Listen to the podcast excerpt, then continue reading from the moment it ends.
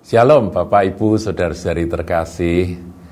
Kita akan merenungkan firman Tuhan yang tertulis di dalam Matius 11 ayat 28 sampai 30 Ini adalah ayat-ayat yang sangat terkenal dan saya yakin Anda semua sudah sering dengar bahkan hafal dengan bunyi kalimat dari ayat-ayat tersebut Uh, saya membaca akan sebuah artikel, bukan artikel secara sebuah kata bijak ya. Kata bijaknya berbunyi demikian. Sleep isn't enough when it's your soul that's tired. Jadi tidur itu tidak akan cukup kalau yang capek itu, yang lelah itu jiwamu. ya ini berkait dengan apa yang akan kita renungkan pada kesempatan kali ini. Saya bacakan saudaraku ya, ini adalah panggilan dari Tuhan Yesus kepada umat manusia. Matius 11 ayat 28. Marilah kepadaku semua yang letih lesu dan berbeban berat aku akan memberi kelegaan kepadamu.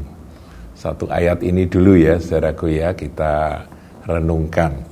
Saya pernah punya pengalaman khusus di mana Roh Kudus e, menjelaskan akan ayat ini kepada saya sampai saya terperangah, saudaraku. Karena ternyata panggilan Tuhan ini punya makna yang sangat dalam dan luas dan sekaligus ini mengubah akan paradigma saya tentang hidup sebagai umat Tuhan, sebagai milik Kristus itu sebetulnya seperti apa.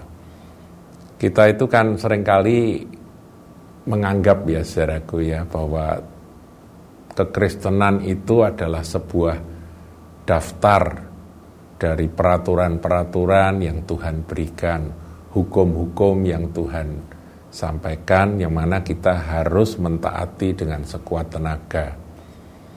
Ya, pandangan itu eh, sering kali menjadi beban bagi orang Kristen sehingga orang Kristen sering kali berkata aku kok kelihatannya nggak mampu jadi Kristen kalau mau jujur saudaraku ya. Nah, ayat-ayat yang akan kita baca dan renungkan ini menjawab saudaraku bahwa sebetulnya kekristenan bukan seperti itu. Jadi Christianity, kekristenan itu bukan Anda disuruh melakukan sederet atau se, sejumlah peraturan harus begini, harus begitu. Kalau tidak dihukum gitu ya. Enggak, itu itu itu hukum Taurat, itu perjanjian lama. Perjanjian baru itu beda banget saudaraku. Nah, kita akan coba belajar ya. Marilah kepadaku semua yang letih lesu dan berbeban berat. Pertanyaan, kenapa orang letih lesu?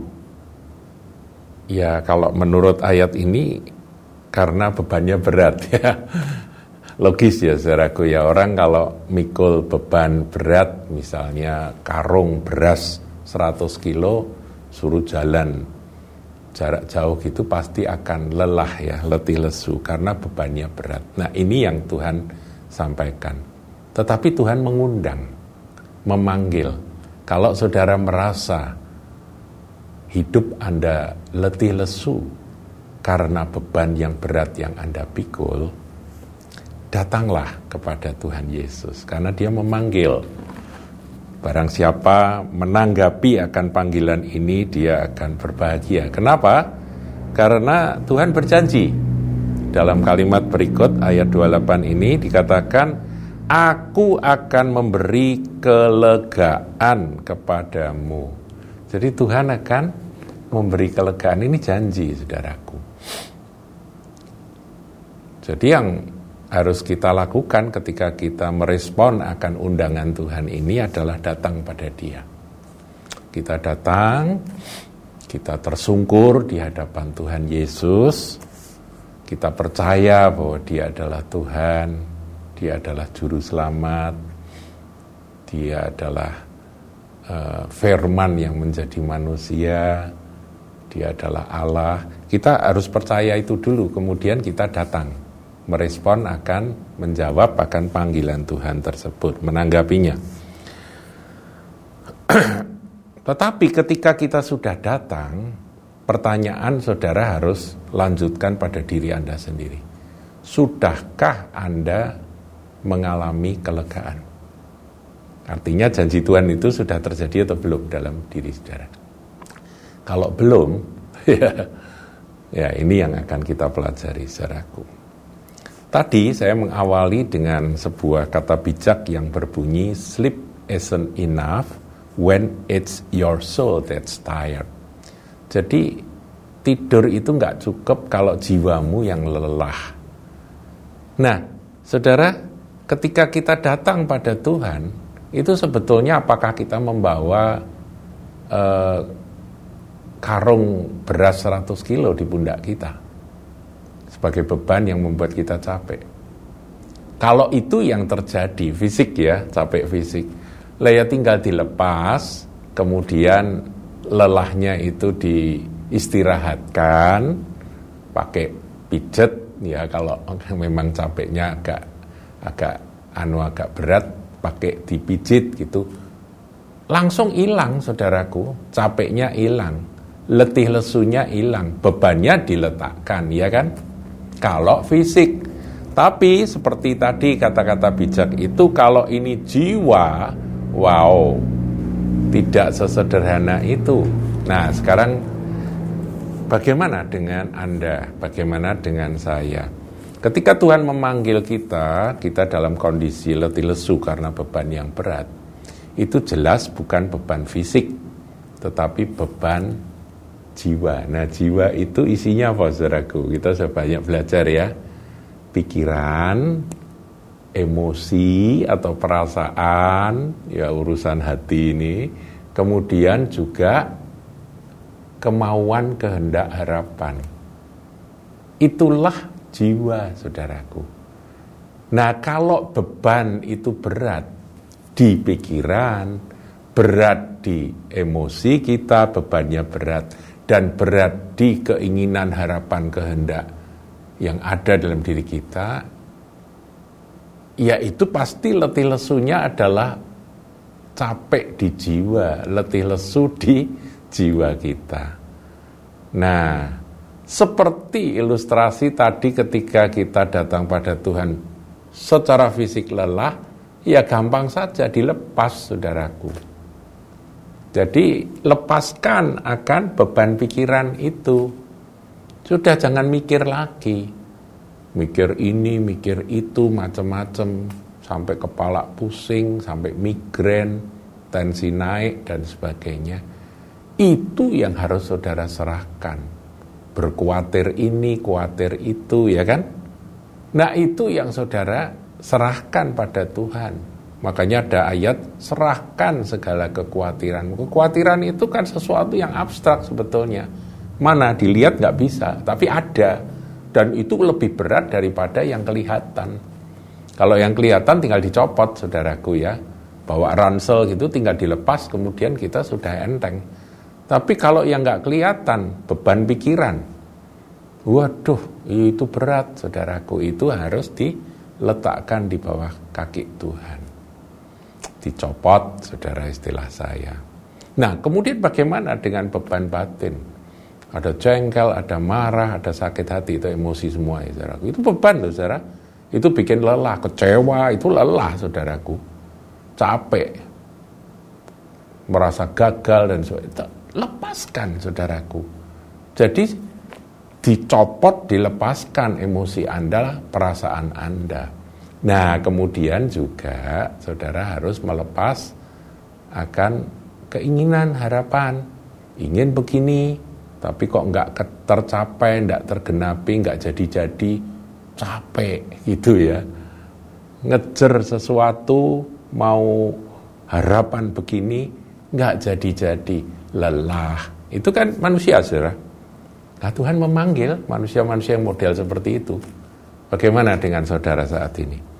Kalau saudara mendengarkan akan suara gembala kali ini dan saudara merasa bahwa Anda letih lesu karena beban Anda berat, beban pikiran, beban batin, beban emosi, dan beban keinginan, harapan, kehendak yang uh, membuat Anda capek, lelah dalam hidup ini.